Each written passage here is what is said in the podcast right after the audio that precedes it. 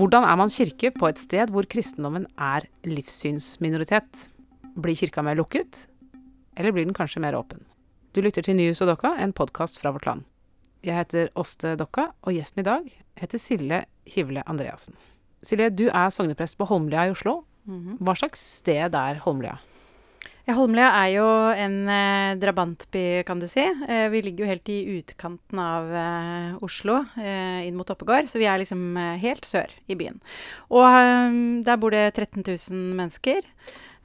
Vi ser jo på oss selv som en, en bygd med, ja, med våre skoler og lokalmiljø og sånne ting. Vi er en ganske sammensatt befolkning. Eh, jeg tror det er sånn at ca. halvparten av de som bor på Holmlia, har en fremmedkulturell bakgrunn. Da. Men da teller man ikke bare ikke sant, førstegenerasjons innvandrere, men også andre Jeg vet ikke om man også teller tredje, men i hvert fall så er det en, eh, en, eh, en, et stort mangfold av eh, ulike kulturer og religioner som bor på ett sted. Og så er det vakkert der ute. Det er grønt. Vi har vår egen strand som er nede ved Oslofjorden, Vervenbukta. Um, ja, masse borettslag som på en måte preger veldig nærmiljøet. Og så har man tenkt, når man bygget Holmlia, så har man tenkt at her skal det være mest mulig bilfritt. Så det beste man gjør hvis man skal komme seg rundt, det er enten å bruke bein eller sykkel. Og det også preges liksom området av, da. Det er veldig sånn Det er på en måte lav puls. Det er Altså, bortsett fra når man sitter i bilen og kjører rundt liksom alle klønete veier for å komme dit man skal, da. Men når man beveger seg rundt der, så er det mye fred og ro. Um, og det ligner jo ikke så veldig på det inntrykket som mange har, da. Det er jo en av utfordringene våre. Ja, for det er mange som har et bestemt inntrykk av Holmlia. Hva, uh, de som ikke deler det inntrykket, kan du fortelle litt om hva slags inntrykk det er? Ja, de som ikke bor der, ja. Det, stort sett er jo det det. Eh, nei, altså det vi på en måte dessverre er blitt kjent for, er jo at vi har en, eh, en gjeng som har opprinnelse på Holmlia, som heter Young Bloods, eh, og som har på en måte preget nyhetsbildet en del de siste årene. Nå er den gjengen ikke så virksom lenger, tror jeg. Jeg tror en god del av de sitter i, i fengsel, rett og slett. Etter ja, eh, siste års på en måte politiinnsats. Ehm, ja, så er det så er det nok en del som tenker at det er mye vold og bråk, da. Um, og det har jo vært noen episoder, definitivt. Og så skjer den De tingene skjer eh, på en måte på tider og steder hvor de fleste fredelige borgerne er hjemme i husene sine og sover, ikke sant. Så eh, kanskje er det sånn at 12 500, nei, 12 700 av de som bor der, aldri har sett noen ting. så, det, så det er så rart liksom, å bo på et sted som er Man opplever liksom fredelig og trygt og fint, og så, og så møter man ikke sant, at eh, ja, blikkene flakker, og man kanskje eh, Når man møter andre folk, da, sier hvor man bor hen, så kan folk bli litt sånn eh, Hva skal jeg si Få litt sånn sympati, nesten, på mine vegne. Det er rart. Det er veldig rart. Mm. Er, du, er du redd for å la ungene gå løs i nabolaget om kvelden og sånn? Jeg er ikke redd eh, for la ungene gå løs, men jeg innrømmer at jeg tenker meg om hvis de skal gå f.eks. over eh, senteret og, og stasjonen etter at det er blitt mørkt. Eh, og det tror jeg nok jeg ville tenkt flere steder i byen, egentlig. Ehm, så nå Og det kan hende jeg er litt mer jeg er litt mer bekymra enn jeg burde være også. Jeg vet ikke. Jeg bare tenker at hvis det skulle skje noe, så syns jeg det er så krise, da. Så jeg prøver å være litt smart. Men, eh, men på dagtid og når lyset er på, så må de være hvor som helst hvor de vil hele tiden, liksom. Det er ikke noe begrensning. Og sånn eh, sosioøkonomisk, eh, hvordan ser Holmlia ut da? Er Ja. det mange som har, sliter med å få endene til å møtes og Ja, det er det. Vi har en eh, fjerdedel av alle barna som bor i vår bydel, da, er eh, det som heter barnefattige. Så det er helt åpenbart at det er mange, særlig barn og unge, som, eh, som har utfordringer med det. Vi har også flere folk i vår bydel som eh, får inntekten fra overføringer. Og det, det blir man jo absolutt ikke rik av. Liksom, det er jo det er jo et ganske et heftig, eller trangt liv, da. Eh, så det er nok mange som sliter med å få endene til å møtes. Og det kan vi merke. Jeg har vært litt engasjert i, i sportsklubben. Eh, Og jeg er ganske overbevist om at det er flere som sliter med å betale kontingenten. Det er ikke bare at de glemmer det, men at de faktisk ikke har de pengene. Og jeg er veldig redd for at det er ganske mange barn og ungdom som ikke er aktive fordi Enten fordi de ikke har penger til å være med, eller fordi ja, at ikke de får den støtten hjemmefra, da. Og at det handler kanskje jeg, jeg tror det handler i stor grad om økonomi, da. Og vi har ordentlig lav eh, avgift, holdt jeg på å si. Vi har skikkelig lav kontingent. Mm. I, I forhold til våre både Oppegård og Nordstrand, så er vi jo Ja, jeg vet ikke forskjellen egentlig, men det er, det er, det er lave kontingenter. Mm, og du nevner Nordstrand, det er interessant, for der eh, har jo du vært prest før. Det er ikke langt unna. Nei, veldig nært. Eh, det er veldig nært, og så er det et sted hvor eh, flere har hvit hud, flere har mer penger, mer Mm. middelklasse, mer utdanning. Eh, hva syns du har Hva er det som har slått deg som den største forskjellen mellom å være prest på Nordstrand og å være prest på Holmlia? Ja, nå har jeg på en måte to ulike stillinger. På Nordstrand var jeg kapellan og jobbet med, med konfirmanter og ungdommer. Og på, på Holmlia er jeg sogneprest og har på en måte ikke noe eh, så stort ansvar for ungdomsarbeidet. Så det er kanskje det største for min del, at jeg jobber, litt, jeg jobber på en litt annen måte, da. Eh, og på Nordstrand så er det jo mange flere som er medlem i kirken, og så har man jo noe mer presteressurser. Eh, men det er mye, mye høyere tempo på kirkelige handlinger. Så når jeg jobbet i Nordstrand kirke, så hadde jeg egentlig ikke tid til å løfte blikket så veldig. Det er liksom Alle oppgavene bare kom til meg med gravferd og dåpssamtaler og stort konfirmantkull. Mens på Holmlia er vi jo mange færre medlemmer. Færre, vi er ganske ung befolkning, så det er færre, mange færre begravelser. Eh, mye mindre dåp. Eh, så at jeg har på en måte liksom mulighet til å løfte blikket.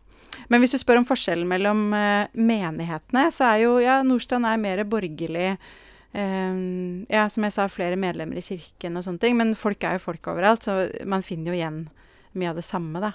Noe av det som har slått meg, er at jeg syns at noen av de begravelsene jeg har nå på Holmlia, så kan de pårørende være litt sånn Hvis noen dør og knapt har fylt 70, så kan de være litt sånn Ja, ja, ja, nei, nå var jo livet over. Mens på Nordstrand syns jeg oftere at jeg møtte mer sånn derre Dette er jo krise. Liksom, vi, dette må vi grave i. Liksom, vi må Hvor gikk det galt, på en måte? Eller eh, hvorfor har ikke sykehus eller leger fulgt opp? Så du skjønner, det var mer Ja, sånn det er, så det er jo den forventa levealderen er jo lavere. Forventa levealder, ja. Det er forskjell. Ja. Mm. Mm. Mm. Og, og du nevnte jo at, eh, at det er eh, medlemstallet er ulikt, eh, Ja. og det er jo helt naturlig ut fra det vi har snakka om så langt. Mm. eh, At eh, det er rett og slett Holmlia mener det er ikke en majoritetskirke. Mm. Eh, hvor, mange, har du noe, hvor mange prosent er det som Ja, er vi er ca. 35 medlemmer. Mm. Eh, 4400 ca. personer. Mm. Og det er jo radikalt lavere enn eh, de fleste steder i landet. Ja, det er lavt. Ja, vi er jo under eh, 50 ikke sant? eller godt under 50 så vi er jo en minoritet. Men vi er definitivt den største minoriteten da, blant mange minoriteter. Ja, er det eh, Er det liksom Gir det deg følelsen av å være på et synkende skip? Liksom? Føler du deg trengt inn i et hjørne? Ja, på et vis, ikke sant. Jeg kan jo skikkelig Jeg kan jo gå skikkelig i kjelleren ja, når vi får sånne utmeldinger og og hvis jeg liksom setter meg ned og mediterer over dåpstallene, så kan jeg bli ganske dyster. Men akkurat nå har vi faktisk en liten økning i dåpstall. Jeg vet ikke om det er bare et lite blaff eller hva det er for noe, men, men da blir jeg sånn lykkelig igjen, liksom. Så, eh, men det er, ikke, det er ikke opplevelsen av å være på et synkende skip, fordi Holmlia menighet er veldig aktiv. Eh, det kommer mange folk til gudstjeneste. Det er liksom mye som skjer, da. Så jeg føler at vi liksom er på, på oppdrift. Sånn i hvert fall på kort sikt, da. Ja, jeg Mm. leste uh, beskrivelsen av Holmlia, en gudstjeneste i Holmlia kirke i boka eh, 'Kirka og jeg', som Kjersti Oppstad har skrevet. Og hun skriver da at det er masse folk, og at man Mm. får lyst til å komme tilbake. Så dere får det jo på en måte til. Ja, det syns jeg jo. Og det er jo et arbeid som har, vært, eh, som har pågått over veldig lang tid. Det å bygge gudstjenestene, eh, gjøre de interessante både musikalsk og på annet vis. da. Så det er helt sånn tydelig satsing gjennom mange år, da. Og, og lenge før jeg kom dit. Ja, for det må også sies at uh, Holmlia også er et slags sånn kristen høl. Altså, det er jo veldig mange, sånn i vår generasjon i hvert fall, eh, av folk som har flytta til Holmlia, som er bakgrunn fra kristent organisasjonsliv og kirkeliv, og som vel må utgjøre en ressurs i menigheten. Ja, ja, masse. Vi har virkelig masse ressurser. Vi er, vi er superheldige sånn sett. Ja. Uh, Den norske kirke kaller seg jo folkekirke. Det er folkets kirke. Og når det er krise et eller annet sted, eh, når noen har dødd plutselig, eller når skolen skal markere jul, eller når det er noe som pågår i lokalsamfunnet, så er liksom kirkerommet alle sitt mange steder i Norge. Eh, hvordan er det hos dere? Er det, er det samlingspunkt? Er det liksom den lokale institusjonen? Mm. Ja, på ett vis er vi et samlingspunkt. Vi har um vi har en konsert som vi arrangerer hver høst, som heter United. Og det ligger jo liksom i ordet at her er vi United, hele gjengen. Um, og den samler uh, Altså, den samler forholdsvis bredt, da. Det er uh, kvelden før TV-aksjonen, så det er det vi på en måte retter oss inn mot tematisk. Og vi samler inn penger til TV-aksjonen. Og TV-aksjonen når jo veldig bredt i Norge, ikke sant. Det kan alle være med på uansett hva man tror på, eller hvor man hører til, eller hvor man kommer fra. Eh, så det som vi gjør da, det er at organisten vår han inviterer alle skolekorene eh, og korps og strykere og alle sånn altså Inviterer fra kulturlivet da, til en kjempestor konsert. Og da er kirken helt stappfull, og da er det kanskje 700 mennesker der, da. Eh, så det er en sånn ordentlig sånn følelse av å, å være det huset hvor alle kan være. Og samtidig så er jo det under 10% av de som bor på Holmlia, ikke sant. Men eh, men det er likevel ganske bredt, da. Så, så der, eh, når vi gjør det, så tenker jeg jo ah, vi, vi er for alle. Og så, eh, og så har det vært eh, Nå har vi ikke hatt noen sånne superstore Altså, vi har jo hatt skyteepisoder, sånn, men vi har ikke hatt noen sånne lokale kriser så lenge jeg har jobbet der. Så det har på en måte ikke vært eh, Det har ikke vært noen sånne stormønstringer verken her eller der, annet enn at vi hadde en, en samling ute på senteret som en antivoldsmarkering. Um, men, eh, men jeg, så, det er jeg faktisk litt usikker på. Altså jeg, jeg, tror jo at ganske mange kan tenke seg å komme inn i Holmlia kirke og være med på noe som har med nærmiljøet å gjøre. Uh, og at vi på den måten ikke er så veldig farlige.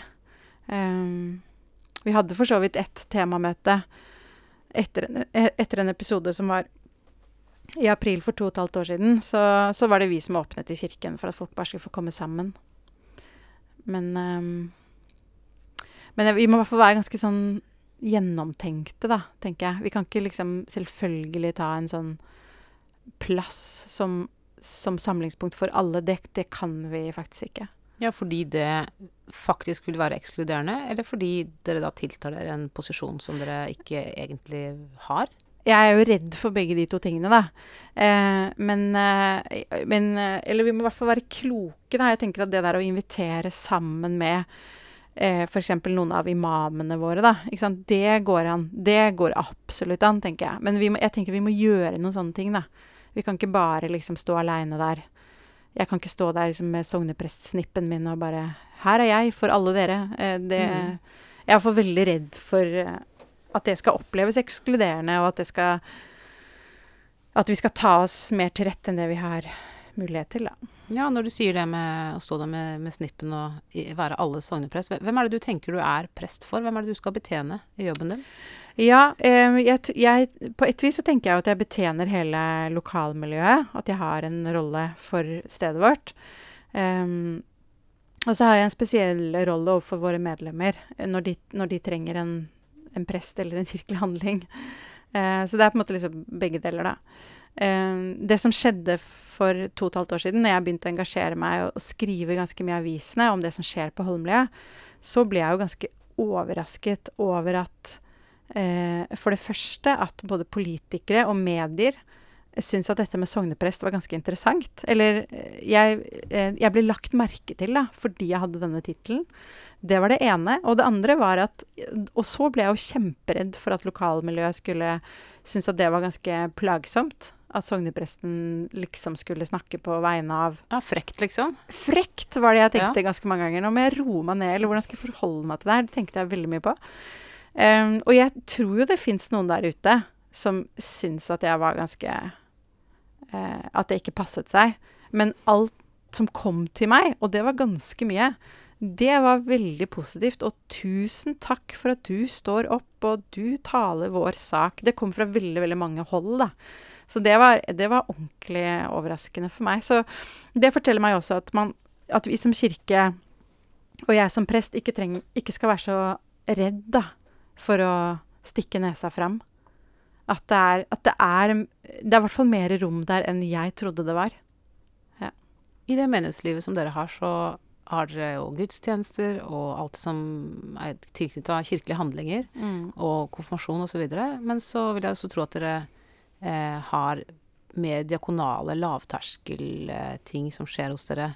Mm. Med, jeg vet ikke om dere har ungdomsklubb, eller om dere har eldretreff, eller eh, hva nå det er. Men, men tenker dere bevisst rundt skillet mellom type forkynnende arbeid og, og rent sånt eh, 'jeg hjelper deg fordi du er et menneske'-arbeid? Mm. Er det sånn at man må, hvis man går på ungdomsklubben Du er i en kirke, her snakker vi om Jesus uansett. Eh, her får du svin, liksom. Ja, ja, ja. Eller hva tenker dere? ja. Nei, det vi, Svin og Jesus. Ja, ikke sant. Ja. Vi tenker vel eh, litt flere ting, da. Altså på ett vis så syns jeg det menighetsarbeidet vi driver med, er ikke noe særlig forskjellig fra det som skjer på Nordstrand f.eks. Det er veldig klassiske tingene med sånn vaffeltreff, åpent hus midt på dagen for alle som er hjemme. Eh, og med ungdomsklubb, som du sier, da, som vi har i samarbeid med, med nabokirken vår. Eh, og vi har barnekor, barneklubb Altså vi har liksom alle de her klassiske tingene. Og der foregår det jo eh, Det er jo andakter eller kirkelig altså undervisning, da. På, på stort sett alle de samlingene. Så på et vis er vi veldig sånn klassiske. Vi driver med sånn kristen opplæring og legger til rette for uh, kristent fellesskap. Og så har vi noen ting som vi forsøker å være breiere på, sånn som United, som jeg fortalte om i stad.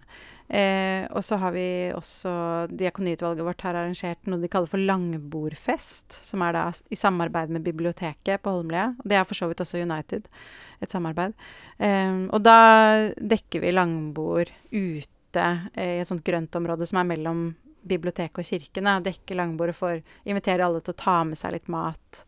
Og der er det jo på en måte Det er ikke noe andakt der. Det er bare sånn fellesskapsbyggende, sånn nærmiljøprosjekt, da. Og det samme med en grønn dag som vi har. Jeg tenker at det er jo den det er jo kristne verdier som ligger under der. At vi ønsker å sette fokus på grønne verdier. Eh, og vi inviterer eh, Fair and Square og På hjul for å fikse sykler og masse sånn praktiske ting, da. Eh, som, som, og der er det ikke noe forkynnelse. ikke sant? Det er veldig sånn lavterskel, nærmiljøbyggende. Men det er jo helt åpenbare kristne verdier som, som driver oss til å gjøre dette, da. Ja, har dere, og har dere liksom råd til og tid til å øh, strekke dere utover det som på en måte er flokken? Mm. Ja, vi har jo det, da. Eh, på prestesiden er vi jo, er vi jo Jeg tør nesten ikke å si det høyt, da, men jeg må bare gjøre det, kanskje, for det er jo ikke noe hemmelig. Vi er jo, vi er jo litt bedre bemanna i vår menighet enn det som Per er medlem? Ja, per medlem, ja. Enn det som er gjennomsnittet i, uh, i landet. Um, så jeg, uh, særlig jeg da, i min stilling, har jo tid til å gjøre mer eh, sånn nærmiljøarbeid enn det jeg f.eks. hadde på Nordstrand. Hadde jeg jo null tid til noe annet enn akkurat det jeg måtte. Mens nå har jeg jo det. Eh, så det, den tiden bruk, bruker jeg jo blant, eller har brukt bl.a. på religionsdialogarbeid, da. Ja, og, Mm. og eh, hvordan er det Er det andre kristne kirker også i, i området? Ja, vi har eh, Altså i Holmlia menighet har vi en egen urdutalende menighet som er medlem hos oss, og som feirer gudstjeneste på urdu hver søndag klokka to. Og så leier den katolske kirken eh, rommet vårt klokka seks til sine messer ukentlig. I tillegg så fins det en misjonskirke. Vi har en nigeriansk eh, migrantkirke. Eh, og så kan det faktisk være at det fins noe mer som ikke jeg veit, men det er på en Mm. måte liksom de største offisielle, da.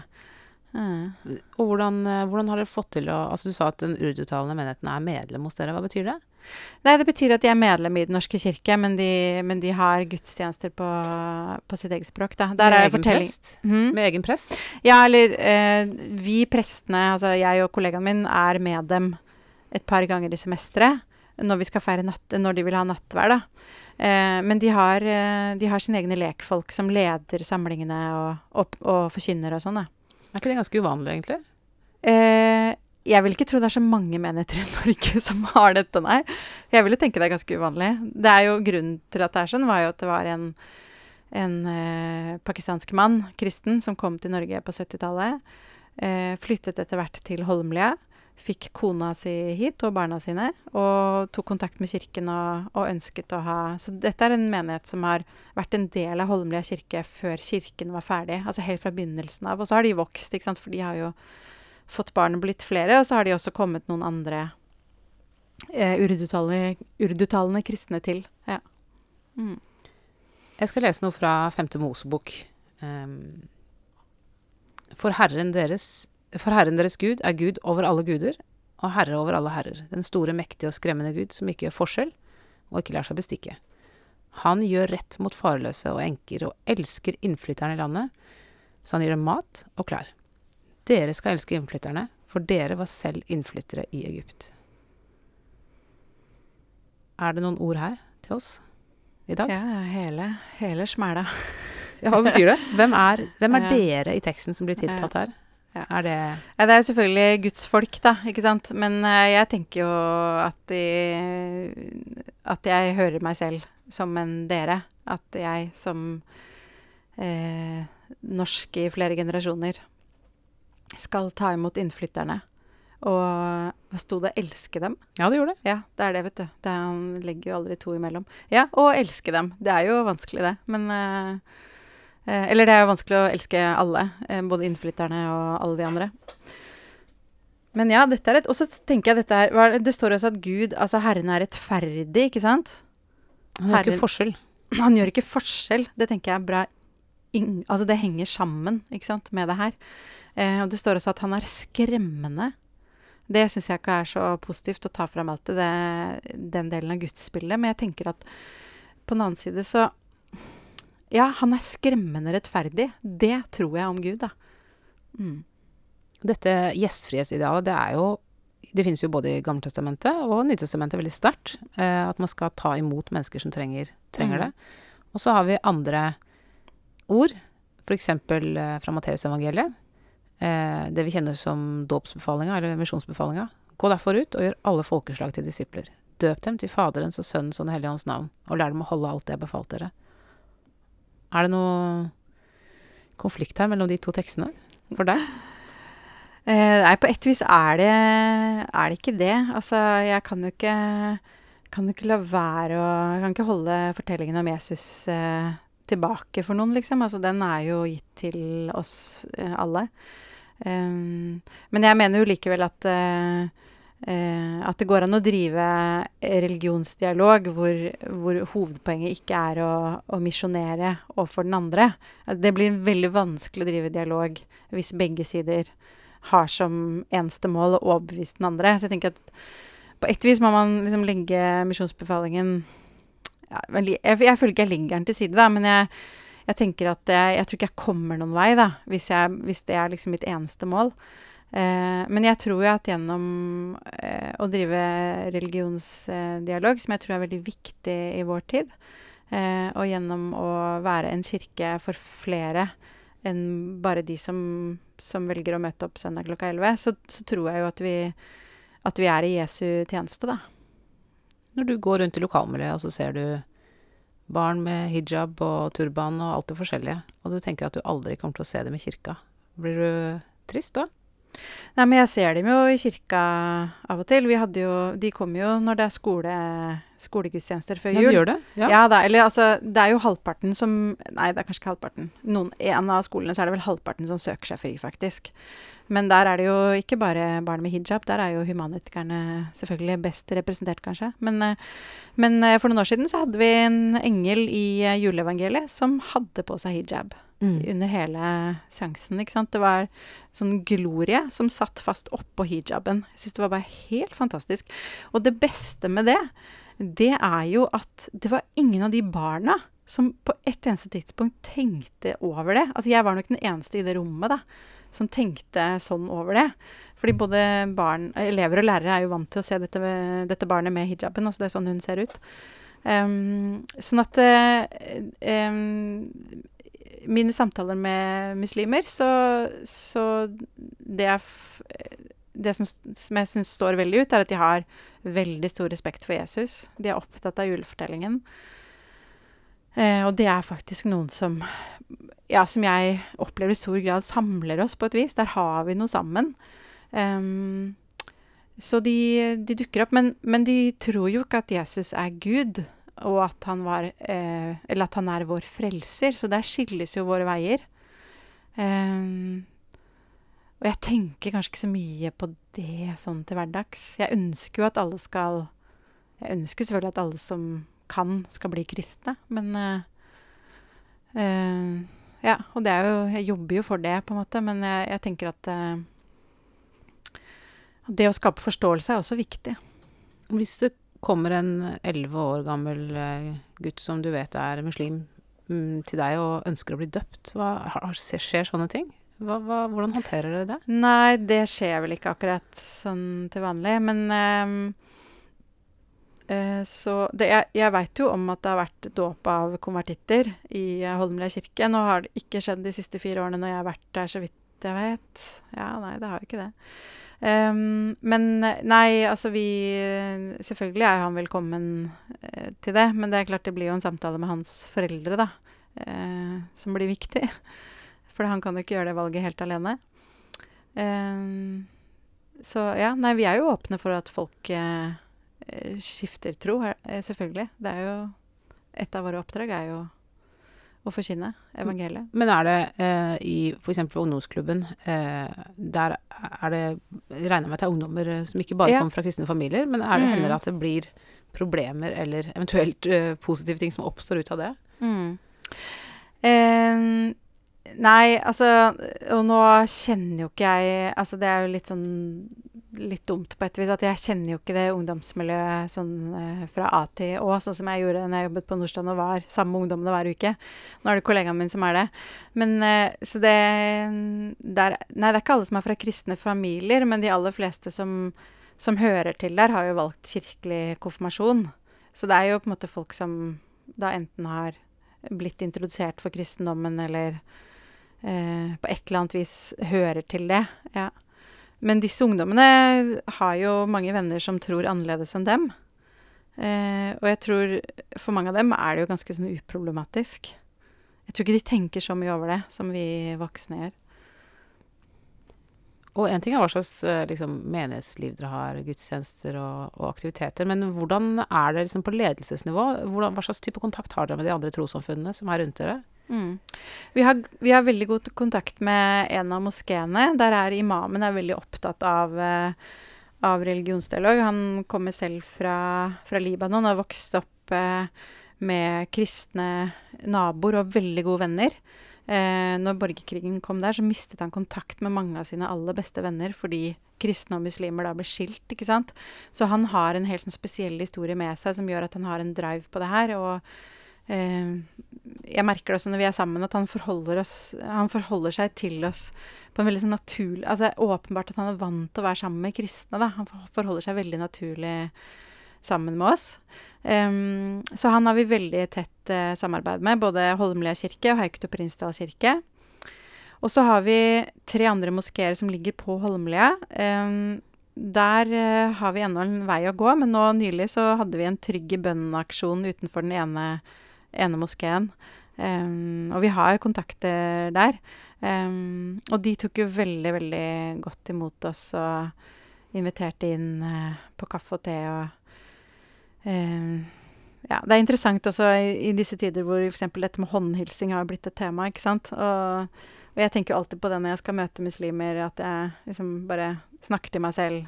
Husk, husk å på en måte bare forholde deg litt rolig eh, og se hva de gjør. Om de legger hånda på hjertet, eller om de strekker ut eh, en hånd.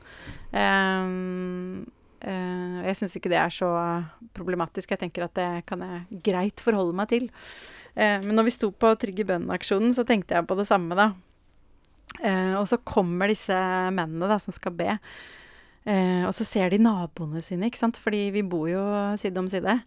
Og særlig en eldre dame som bor i en blokk på Holmlia senter, som går i Holmlia kirke, da de var rett borti henne og omfavnet henne. Det, var, det var ikke bare et håndtrykk, liksom, det var en seriøs omfavnelse. Så da måtte jeg bare le litt av, av det, er veldig, det er så gøy å erfare, da, syns jeg. Å se hva som skjer i, uh, i sånne øyeblikk, liksom. Um, og det er en moské hvor, um, hvor det vanligvis bare er menn som, som er inne og ber. Eh, så vi var litt spent på det også, om de kom til å Om jeg f.eks. skulle få komme inn. Eh, så jeg spurte litt sånn forsiktig, da, når de inviterte eh, kollegaen min, som er en mann, da, ikke sant, så spurte jeg er det sånn at jeg også kan komme inn, eller er det, er det vanskelig? Da skal jeg respektere det. Da hadde vi avtalt på forhånd at jeg skulle spørre, og så skulle vi respektere. Og da var det en eldre mann som sa her, her er det ingenting som er vanskelig. I dag er alt lett. Så, det, så da fikk vi komme inn der, og det tror jeg nok ikke vanligvis skjer. Så det, det er spennende å drive, eller møte folk hjemme hos dem. Mm. I de samtalene som dere har eh, som ledere, er det først og fremst liksom lokalsamfunnsspørsmål dere snakker om? Mm. Eh, eller er det teologisk religionsdialog, på en måte? Det er begge deler. Vi har, det vi, det vi har, vi har hatt noen samtaler hvor vi, hvor vi snakker litt om, om hva vi tror på, altså teologi. Eh, og de samtalene har alltid vært knytta opp til at vi, vi, skal gjøre, vi har en praksis vi skal gjøre sammen. Da. Eh, så det vi har gjort, er at vi har arrangert eh, besøk eh, for eh, elever på ungdomsskolen, hvor de da har besøkt eh, en moské og Holmlia kirke, og et buddhistisk tempel som ligger også i vår bydel. Eh, så vi har tatt med ungdommer på tur. Og da har vi vært tre religiøse ledere som har vært med på hele veien. Da. Eh, og da har det selvfølgelig vært eh, Da har det selvfølgelig vært ganske mye fokus på religiøs praksis og teologi, med utgangspunkt i elevenes interesse og spørsmål, da. men så møtes vi også til, til det som har med lokalsamfunnsengasjement å gjøre. Så når vi hadde disse skyteepisodene i 2017, så inviterte vi med oss Fra den nærmeste moskeen så inviterte vi med imam og styreleder til å vi prestene i Holmlia kirke da, til å stå sammen med oss på markeringen. Og da var, var hovedpoenget med det var å eh, var å sammen at vi religiøse ledere viser engasjement for lokalsamfunnet. Så det er begge deler. Hvordan, på hvilken måte vil du tenke at det samarbeidet er en ressurs i lokalmiljøet? Altså at det ikke bare er um, moskeen eller imamen som sier én ting, og du som sier én ting, men at dere står sammen? Jo, jeg tror uh, um, jeg, tror, jeg, jeg, tror vi kan være med å um, å bygge ned både fordom og frykt. Da. Og jeg tenker det, der, det vi gjorde med Den hellige rom-turen, som vi kaller det, eh, det har vi hatt både for voksne, men da også sant, for ungdommer. Det å, å, bli med hverandre inn i hverandres hellige rom, det tror jeg har en veldig, veldig stor eh, symboleffekt. Da. At jeg som prest er med inn i moskeen, sitter og snakker sammen med min imamkollega om om ulik praksis og sånne ting. Eh, og det der at vi, at vi liksom på en måte går foran og, og, viser andre folk at det er, det er ikke det er ikke farlig å gå på besøk eh, til hverandre. Og vi kan sitte og snakke sammen om ting, og vi kan være åpent uenige om saker og ting. Det tror jeg har eh, en effekt i forhold til at vi ikke skal være så redd for hverandre. Da. For det tror jeg, jeg tror det er mye frykt. Eh, det er nok mindre frykt på Holmlia fordi folk bor så tett, ikke sant. Eller særlig blant ungdommene, tror jeg særlig, for de forholder seg jo, og barn og ungdom forholder seg jo til hverandre hele tida. Uh, men det fins også der. Uh, og det, det, er jo, det er jo farlig i vår tid. At det er så mye frykt. Fremmedfrykt, rett og slett. Hvordan tror du at uh, kirkelivet på Holmlia ser ut om 10 år eller om 50 år? Ja, Det er vanskelig å spå, da. Det jeg tenker at uh, sånne menigheter går på en måte i sånn Altså, det går jo i ulike faser, ikke sant. Og så er man stor og sterk og favner bredt, og så har man kanskje en periode hvor det er mer spett. Så det er egentlig ganske vanskelig å se for seg. Og så handler det jo litt om hvem, hvem, hvem av folka som flytter til Holmlia, som flytter fra. Um, så det, jeg, jeg, tror ikke jeg klarer å spå det, egentlig. Men tror du, tror du det kan skje at uh, kirker på sånne type steder uh, kan bli litt sånn Mure seg litt inne. Eh, Absolutt. Kan liksom se hvor det stormer der ute, liksom. Og ja. sitte og kose seg med sine egne ting. Og kanskje ja. være en svinnende liten flokk, men i hvert fall ikke mm. bes, bes, uh, Hva heter det? Uh, smusses til ja. av de der jeg, andre folka. Jeg tror det er veldig fristende at man, at man kan begynne å At man liksom får behov for å fokusere innover. Og nå må vi bygge oss sterke, liksom, for vi er så få her, og nå må vi holde sammen og og sånne ting. Men jeg tror jo at, eh, at det er eh, Det er eh, døden, da. altså det Jeg tror vi må liksom vi må se utover. Eh, og jeg tror jo mer I hvert fall er det min erfaring på Holm Holmlia at jo mer vi på en måte bryr oss om det som er utafor veggen vår, da, som lokalsamfunnet vårt, og viser engasjement i det og sånne ting, eh, jo mer er vi jo aktuelle for folk flest, og for våre egne medlemmer. Eh, fordi da, da, oppleves vi relevant, ikke sant? Og eh, ja, for mange, da. Eh, så er det selvfølgelig noen kristne som, som søker mer det der veldig tette fellesskapet, og som kanskje ikke finner seg til rette hos oss. Det kan nok hende. Eller det tror jeg nok. Men, um, men jeg tror vi jeg tror det er på en måte vekstpotensialet da, i å ha blikket utover. Og jeg tror hvis vi skal være folkekirke i fremtiden, så tror jeg vi må det. Fordi eh, eh, Ja, det er jo ikke Altså, folk kommer ikke til kirken av seg selv på en søndag morgen. Altså, de må ha en, en grunn til å være der. Om det er da fellesskapet, folk de har lyst til å være sammen med, eller om det er et eller annet i gudstjenesten som er aktuelt for deres liv, da. Og da tror jeg det der å ha blikket ut mot folk som bor i området, eh, hva er viktig her, det tror jeg er helt avgjørende. Nå tror jeg jo at uh, hvis vi framskriver alle tendenser i Norge, så kommer flere steder til å ligne mer på Holmlia, i hvert fall sånn uh, demografisk sett, mm. uh, framover. Hva, hva, tror du er liksom det beste uh, Norske kirke kan lære av det dere gjør på Holmlia? Mm. Nei, det tror jeg må være at, um, at vi forsøker å være kirke i lokalsamfunnet, og ikke bare for våre medlemmer. At vi forsøker å ha en plass og, og være en kraft på en måte for mer enn det som er innafor våre murvegger. Um, vi, og det er en måte vi engasjerer medlemmene våre på, uh, og som gjør at det, ja, fellesskapet på en måte vokser og blir sterkere. Um, så det uh, Ja, og så tenker jeg også på dette her med at vi uh, Det er jo noen som har skrevet om det, at når, hvis vi skal kalle oss folkekirke, så må det jo Det er på en måte noe ansvaret at vi skal på en måte vi skal være, liksom, holde fast på de kirkelige tradisjonene og på den norske kulturarven, da, som det heter. Um, Uh, og jeg tenker at hvis vi på Holmlia skal, skal, klare det, når folk ikke bare kommer til oss av seg selv, så må vi jo ut der. Altså, vi må være på tilbudssiden og invitere skoleklasser på andre ting enn gudstjeneste. Vi har gjort noen sånne kunstutstillinger hos oss, da. Og da inviterer vi skoleklassene. Så har vi en pedagog som viser rundt eh, og snakker, f.eks. Nå sist hadde hun laget en, en serie med eh, kunst fra kirkeåret. Og så inviterte vi skoleklasser, og så kommer de. Og da er det jo på en måte ikke noe fritak for det, for dette er jo en, en kunstutstilling, sant. Men det er jo samtidig eh, kunnskap om kirkeåret, som, som, jo er viktig for vårt samfunn, da, tenker jeg. Um, og som er viktig at, uh, at også den nye generasjonen kan noen ting om. Jeg tenker jo at det å uh, søke å være, være kirke for flere enn den lille flokken, uh, det er også et innlegg i en type økonomisk fordelingsdebatt i Den norske kirke. Ja. Hvem, skal, hvem, skal, ha pengene, og hvem skal ha kirkebyggene? Altså Vi ser jo Groruddalen og, mm. Eller bare generelt Hvilke menigheter i Oslo er rikest? Jo, det er de mm. som har den rikeste befolkninga. Og hvilke kirker har mest ressurser? Jo, det er jevnt over de som har flest medlemmer. Mm. Uh, men uh, hvis vi skal følge misjonsbefalingen, så er det kanskje burde vært tvert om, eller? Ja, nei, men hallo, det er masse misjonering som trengs på Nordstrand også. Så det er ikke noe, er ikke noe motsetning, tenker jeg. Jeg syns det, det, er et vanskelig spørsmål. Eh, jeg jobbet i en menighet hvor jeg ikke rakk noe annet enn det jeg måtte.